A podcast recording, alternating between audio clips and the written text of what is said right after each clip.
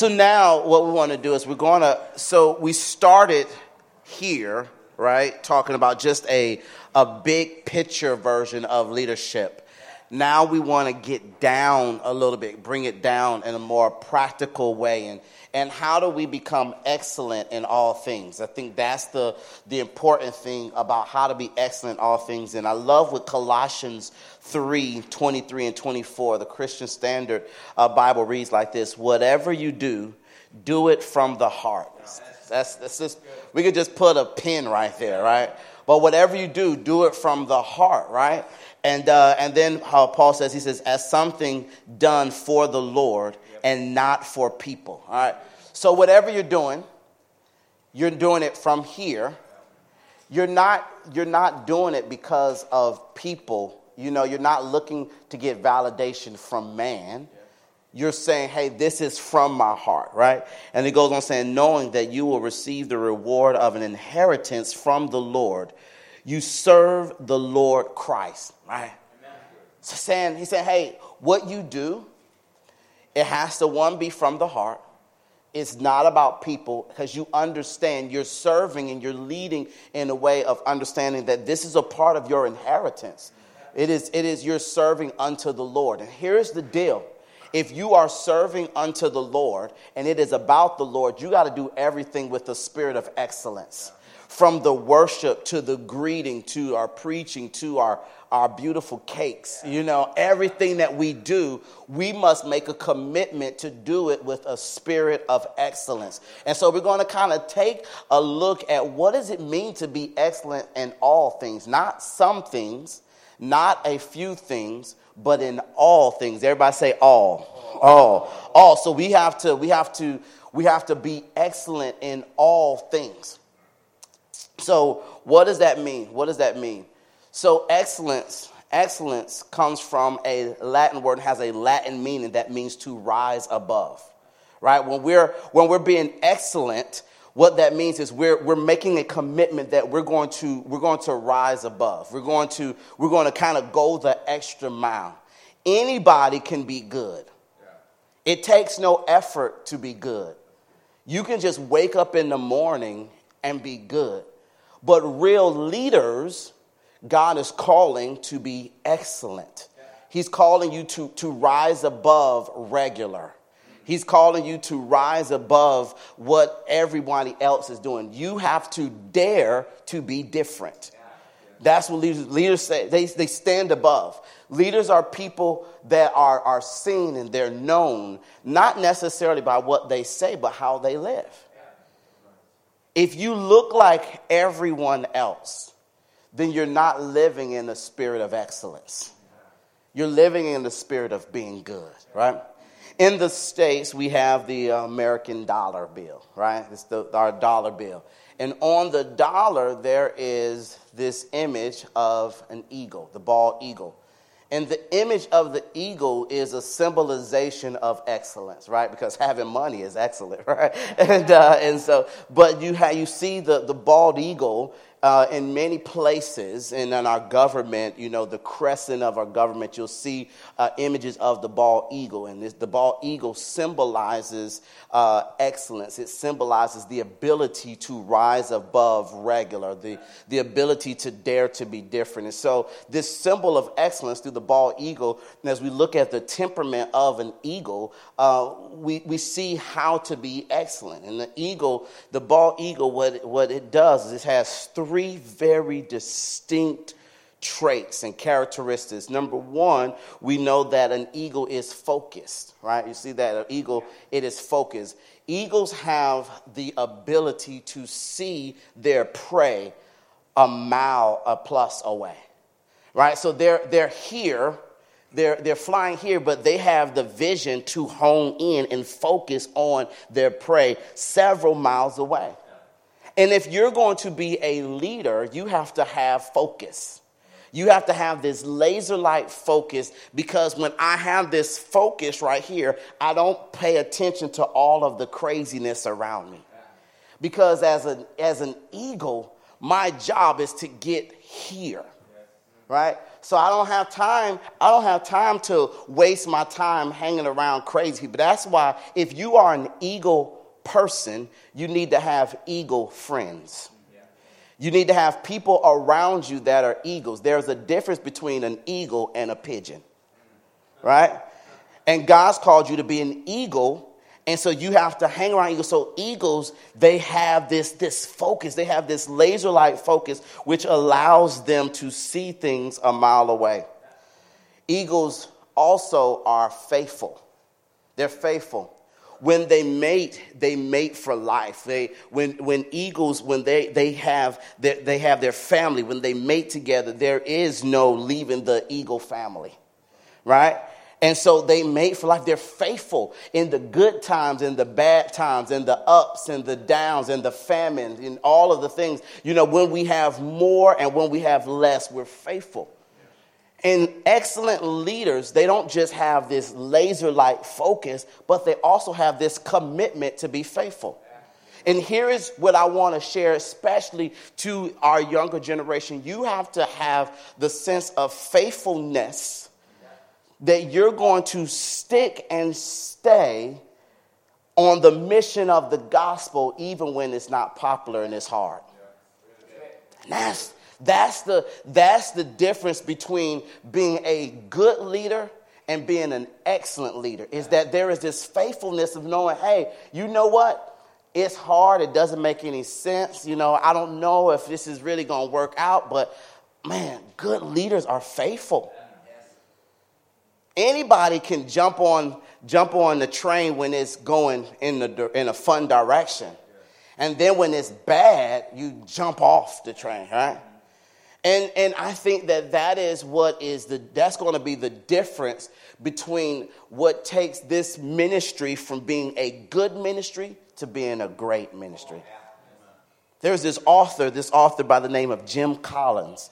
And Jim Collins wrote a book called Good to Great. And in his book, Good to Great, he says this He says, Good is the enemy of great.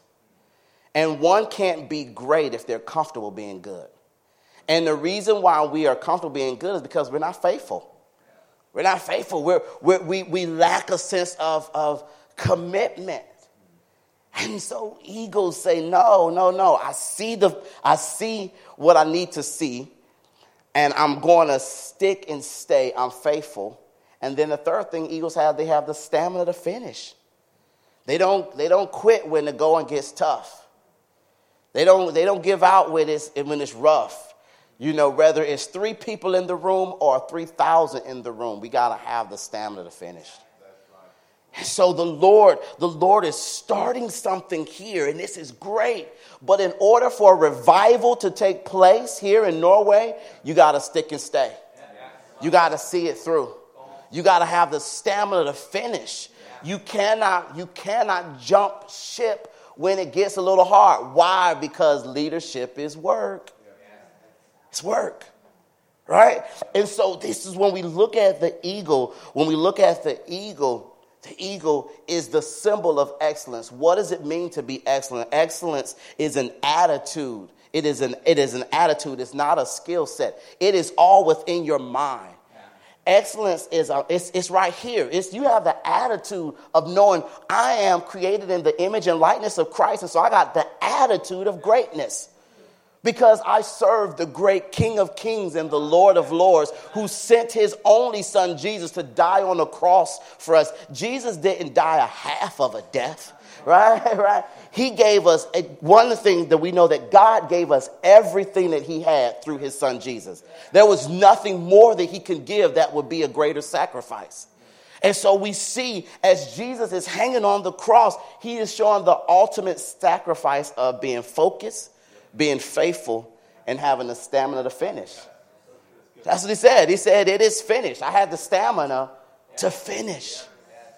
And so, as, as leaders who are committed to be excellent in all things, you got to be focused, you got to be faithful, and you got to finish. You got to finish.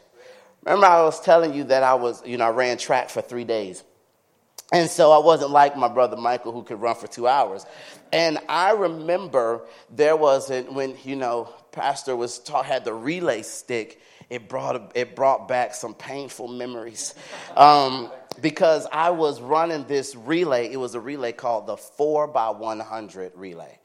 And what it is, is it's four people, and you run around a track one time, and then you hand the baton to the next person. They run around four times, I mean, one time, and then next, next, right? And I was the person who had the baton last. So it's all on me. And this one race, this is what this is what shortened my track career. And uh, and so so it was my turn. You know, I'm just telling the truth, and you know, just I can't lie to you guys. And so it was my turn, and and you know, it was time for the leader to pass the baton. And, and you come out of the gate and you say, stick. And when you say stick, that's when you put your hand back and you catch the baton. Now, here is the problem. When I got the stick, we were leading, we were ahead, right? All I had to do was bring it home, right? And so, halfway around the track, there was this invisible gorilla that just jumped on my back, right? and my legs started wiggling and I was gasping for air and I don't know what came over me. Maybe it's because I didn't know how to run for two hours and stuff, and I hadn't practiced. And uh, because you gotta put in work, you gotta take responsibility. And I lost a lot of trust here, and so uh, so I'm running around, and everyone all the other teams was just like lapping me. And then it was so bad because one of the teams that the guy was passing me and he passed me, he's running, he was like, sucker, you know? And, uh, and so I'm just like, oh, and I'm just like, you know, I gotta finish, I gotta finish. And I wanted to quit. I was embarrassed, humiliated. I had lost the race that we were leading. And I could have because it was at our school and the locker room was that way, right? But I wanted to finish. And so, though I crawled across the finish line, I finished. In a lot of our lives, what we'll do is we'll quit because it's hard. Real leaders have the stamina that even if you don't finish first, you're committed to finishing, right? The race is not given to the swift or the strong, but the one who endures until the end. I love what Paul he tells Timothy. He tells Timothy, he says, Listen, Timothy, at the end of Paul's life, at the end of the journey, when he tells Timothy, he says, Hey, my departure is near. And he says, But I fought the good fight. He said, I kept the faith. But then he said, I finished the race. And so now, because I finished, now there is a a crown of righteousness waiting for me on the other side of the journey.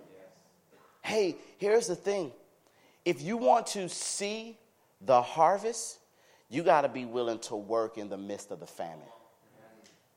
When it's, when it's, if you want to get on the other side of it, you got to go through it. That's, that's a leadership principle no matter what part of your life you're in no matter the phase or stage in life, man, if you want to really see the benefits and the blessings of the harvest, you got to be willing to go through some stuff. For eagles, when eagles are flying against the wind and they're flying in the midst of the storm, they actually get stronger as the, the more, the more uh, adversity the more of the, the, the more intensity of the storm, the harder they flap their wings.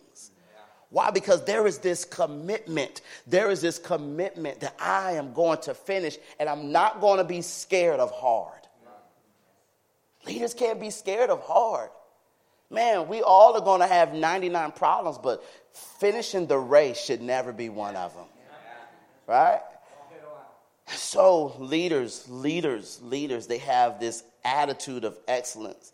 Those who rise above I want you to hear this. I wrote this down. Those who rise above will always know what is below, but those who stay below will never know what's above.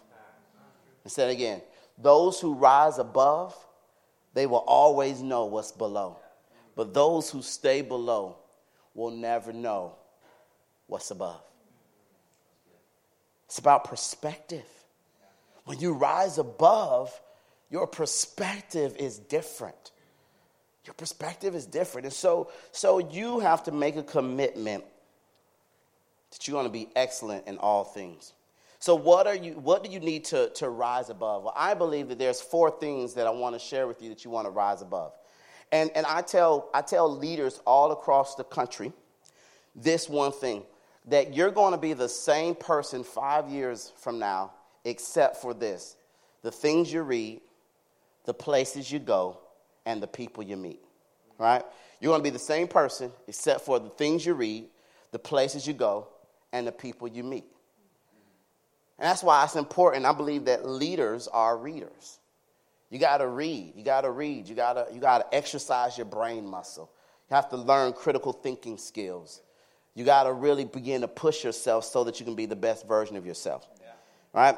So there, there are four things that you got to rise above. And, and these four things I think are important. Number one, you got to rise above your carnal self. Sometimes we are our own worst enemies. You got to rise above your carnal self. And what the carnal self is negative thinking about yourself. I'm too young to be a leader. I don't know enough Bible. People don't know me. I'm not that popular. I'm too old to be a leader. That's the carnal thinking. And that's what the enemy wants. The enemy wants you to stay in your flesh to think that you're not worthy to be a leader. And so you need to get out of your own way and you got to rise above yourself. You got to rise above your carnal thinking. If you're taking notes, you say, no more stinking thinking, right? No more stinking thinking, right? You got to rise above your carnal self. When you look in the mirror, what do you see? What do you say about yourself? What do you speak over yourself? What do you, how do you view yourself? And if your, if your connection point or if what you see about yourself is tied to the things of this world, you're going to always give into your flesh. But real leaders who live in a spirit of excellence, they rise above, they, they step up over their carnal self. They don't see themselves the way the world sees them, they see themselves the way God sees them leaders, you gotta, you gotta get out of your own way. You know why you're not great? It's because you're not being great. It doesn't, you don't, it's not that you don't have the ability or the capacity to be great. It is that you are just in your own way. I've always been a person who's been vertically challenged, right? I've always been a short guy. And and and my brother, I have a brother and we have the same parents, but I have a brother who is like six feet tall. And I have sisters, I have two sisters, and they're all like, you know, 5'10 and 5'9. And then there's me. And I'm the youngest. And so you can just imagine the jokes my siblings gave me growing up, right? And, and so when I get to heaven, when I get to heaven, I'm going to ask God some questions. I got some questions. You know, I got some questions, you know. I want to know what happened really to Michael Jackson, right? And, uh, and then I'm going to say, I want to say, sorry, I just, first thing that came to my mind is leaders have filters. but, but the second thing is, I'm like, Lord, could I have not been like five, eight and a half? Why did I have to be five, five? right? And I feel like the older I get, the shorter I get. And my children are taller than me, and I have to make sure I'm their father, right? And so, but my kids, they and they like they like to put, yeah, they just say hi, dad, you know, and um, get away from me, right? But but I remember growing up, my mother would always tell me that you are you are great and don't allow your exterior to, de- to define your heart and to define your mind and how you think of yourself. And having a mother was great as she poured into me and she invested in me and she loved on me. But it was nothing like feeling the love of a father, the heavenly father. knowing the love of God when He really puts His thumbprint on you. And He says, You got to get out of your own way. And you can't be a person of greatness who's living in a place of excellence as long as you are in your carnal self. So, in order to rise above, leaders, you got to rise above number one, your carnal self. But then the second thing that you got to rise above, you got to rise above the crowd. You got to rise above the crowd. Now, here's the thing the crowd is peer pressure. It is that peer pressure. The crowd that will say, Man, why are you going to church? You going to church today? It's too beautiful outside to go to church, right? That's the crowd. The crowd are the negative people that will tell you living for Jesus is lame, or it's not fun, or it's not cool, or you shouldn't. Real leaders of excellence, they rise above the crowd and say, hey, listen, you cannot go to church and you cannot be a Christian all you want, but you are missing it. Here's the thing. Can I just tell you this? The good news gospel is the greatest message of all mankind. We have the greatest message of all mankind. Why wouldn't we want to scream from the, the biggest mountain and tell everybody about Jesus? I mean, think about it. If you just if you just won a million dollars, and I don't know how to translate, you know, in pounds, but I mean, what is it, pounds? Krona. Krona. Yes. If you if you get that, lots of them, you're going to stand on the mountain and be like, I won money. Or maybe you won't because people are like, can I borrow some, right? so, but I mean, hey, if you got something that is worth telling, you're going to scream loud and proud, I got this. Come and get some of it. And we have that in the gospel. And yet, we don't rise above the crowd. We kind of dwarf into the crowd because we're, we're ashamed of what God has put in our hearts, in our lives. But leaders, leaders rise above the crowd. They become the standard, right? Leaders who are excellent, they set the tone. They're tone setters. They set the tone. People gather around you, not you gather around it, around them. And so, real leaders, real leaders, they rise above their carnal self. They rise above the crowd. And then, number three, they rise above criticism. Rise above criticism. You're going to be criticized. You're going to be talked about. You're, you're going to be a person who, you know, the more you do right, the more people are going to tell you it's all wrong. And real leaders, leaders of excellence, you don't listen to the criticism you, you, you listen to the word. You listen to the Holy Spirit. Real leaders, they, they rise above criticism. You got to always take criticism seriously, but never take it personally. You know? Here's the thing people are going to people are going to say stuff, let them talk. But when you know who you are, why does that even matter? I mean, you know, why does it why does it matter if somebody says something about you that's not true? And we'll spend our whole lives trying to correct craziness. Or we're trying to correct eh, who cares? Who cares? Again, I love how Jesus did it. Jesus is the ultimate example. As he was going through the process of crucifixion, people kind of called him all kinds of names. You know, they, they called him all kinds of names. They, they mocked him, they spit in his face, and he never said a word. Because real leaders, they rise above criticism. You cannot be a great leader and be super sensitive. All right? You can't. You can't. And, and then here's the thing in a good way, here's the other part about it. In a good way, especially as we're talking about different generations. And, and, and for our younger generation, you have to be okay with accepting teaching. My kids, I love them, man.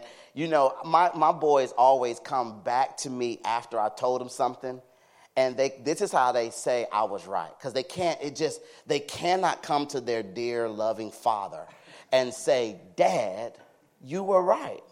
I mean, you know, just say it. it would make me feel better, right? Because I can't, I have, I don't rise above my carnal self. You know, that I want, you know, I want to feed my. But they will come around and they'll say, you know, when you told me to do this, you know, I tried that, and it didn't work. So I guess I'll just go the way you told me to go. Okay, right, right. But the reality is that when you have wise counsel around you great leaders lean into that wise counsel. And they don't get sensitive and they allow people to, to say, hey, let me give you a little bit of, of, of wisdom to know if you do it like this, it might be better. Leaders, leaders, man, they rise above, they rise above the criticism. And then lastly, leaders rise above their circumstances. Eagles, they fly above the storm. They, they fly above the storm. And, and, and circumstances are the, the things that gets in the way of you being great. We're all going to have some troubles. We're all going to have some stuff. We're all going to have some issues. But leaders learn how to rise above your circumstances. Bad things happen to good people. Sorry. That's life. That's leadership. You can't avoid it. But if you're going to be excellent in all things, when you, if you're going to be excellent in all things, then you have to rise above the criticism. So, what does that mean? It means overcoming mediocrity. What is mediocrity? Mediocrity is climbing halfway up the mountain and then stopping. That's being good. When you're living a life of mediocrity, what you're saying is so this platform right here is the option, or this is the actual, this is where your, your destination is. You get here, and then because you're tired, because you have your carnal self, you have the criticism, you have the crowd, and you have the circumstances, it stops you from going there. And we live in a place of mediocrity. Aren't you tired of just being half of yourself? Do you want to be just a little bit of you or do you want to be all of you? And I don't know about you, but I want to be all of me. I want to be all, I want to know all that the Lord has for me. I don't want just a little bit of his blessings. I want all of his blessings. I don't want a little bit of his love. I want all of his love. I don't want to just live my life just in a place of mediocrity. I want to live my life in a place of excellence And overcoming mediocrity means that we're not going to get halfway up the mountain and then turn around and go back down. Your mission. In order for you to fulfill your mission, you got to look at those methods that you write down, those adjustments that you have to make. And those adjustments, you got to you got to own them. And you got to go all the way through them because if you don't correct those methods, then you're going to live always in a place of mediocrity. Stop going up the mountain halfway and then coming back down.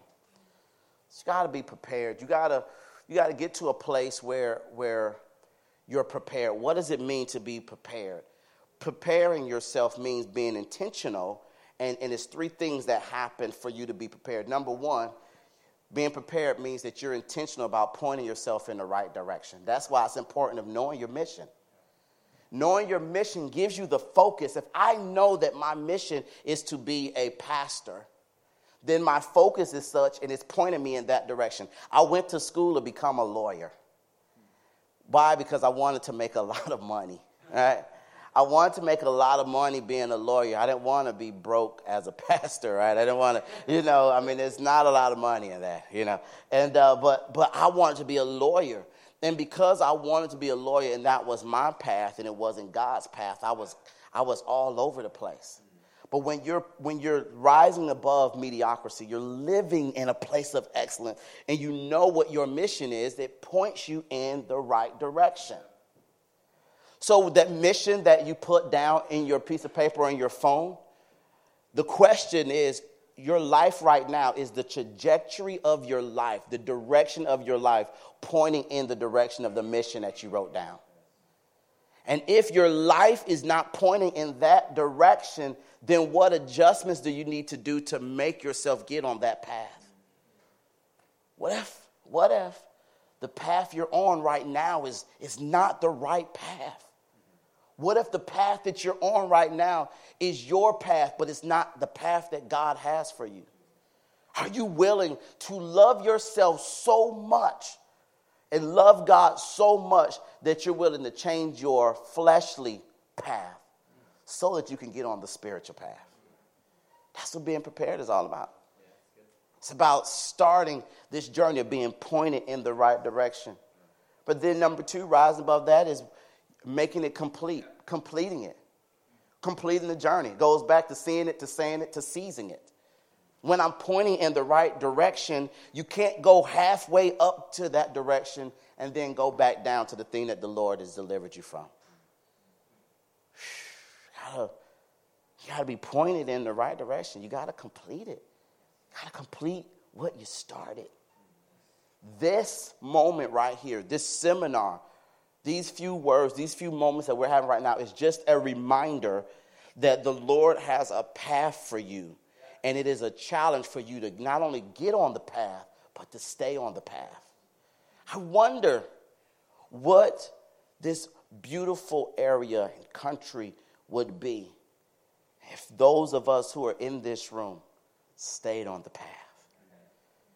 And if our individual missions, our individual missions, we aligned it with the, the, the corporate mission of the church. I wonder if we would rally around our leader who God has given a vision and a mission and a mandate. I wonder what would happen if we all rallied around that and we were all pointed in the right direction. Can you imagine the impact that we would have here? That I would be in the States and I'm hearing about what is happening, the revival that's taking place in Norway because we're all pointed in the right direction and we're committed to completing it. And then finally, we got to be equipped for battle. How do we equip ourselves for battle? You got to dive into God's word. You got to you got to dive in God's word. Here is the manual. Here is the manual for boot camp. Here is the manual to equip you for battle. And when you read the manual that equips you for battle, then when the enemy comes your way and tries to derail you or to take you off course, you're like, nah, I'm focused, I'm faithful, and I'm to finish. It's my challenge and my prayer for you. Be the leader that God's called you to be. Don't just exist don't just take up space. Don't just be here. Man, but be who God has called you to be. My last statement is this many people will tell you that knowledge is powerful. You heard that? Anybody ever hear that? Somebody say knowledge is powerful? Well, that statement is halfway true because knowledge alone is not powerful. Knowledge alone is just the acquisition or the gathering of information. What is powerful is the application of the information that you've gathered. So, what do I mean? You can come to church every Sunday and hear great preaching and gather information. It's not going to make you great. What makes you great is the information that you've gathered, you take that information with you and you apply it to your life so that you can make Jesus known to everybody you come in contact with. That's what makes you powerful. And at that moment, at that moment, you change your life forever. I believe in you. I believe in everybody here. I, listen, I've been many places. I know fake. I know when things aren't real. I know when there's no potential. And I'm just be honest with you. Here, that's not the case. In this place, the Lord wants to do something incredible through you. But He cannot do it through you until you submit your life to Him. So be the leader that God's called you to be. Be excellent in all things. Put in the work. Take the responsibility. Earn the trust. Not only the trust of man, but the trust of God because where much is given, much is required. And if you're going to do it, do it with the spirit of excellence or don't do it at all. Man, I think the world of you. I think you're amazing. I think you're all that and a bag of chips. But can I tell you, God thinks way more of you. And He loves you more than any of us could ever love you on our best day. And so, every head's bowed, just, just want to you to spend some time in just a moment of personal devotion with the Lord. And begin to challenge yourself. Man, everything that I heard today, I'm going to apply this to my life. Make it personal. Make it personal. How are you going to apply these principles to your life? Whether it's in the workplace, whether it's in school, whether it's here at church. These principles, this mindset, this attitude, being excellent in all things. Jesus, we love you. We adore you. We honor you. And we thank you for dying on a cross for us. And I pray right now that a spirit of excellence will come through this place like never before. And that your spirit, God, your presence, God, your fresh anointing will rest here, not just today, but forevermore. God, I pray for every individual that's here. God, you have uniquely called them for a time such as now. You've uniquely called them for a purpose. You have a plan for their lives. And God, I pray right now that they won't just hear the plan or have an idea of the plan, but God, that they will own the plan.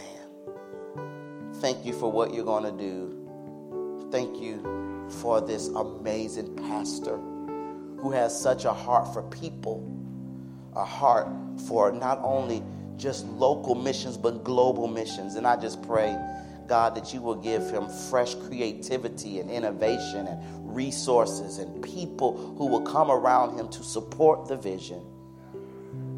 God, and we pray that this ministry will be heard around the world and that men and women, boys and girls, will come from all parts of the world here to Norway to hear and to experience the great revival that's breaking out here. We thank you and we praise you. In Jesus' name, amen.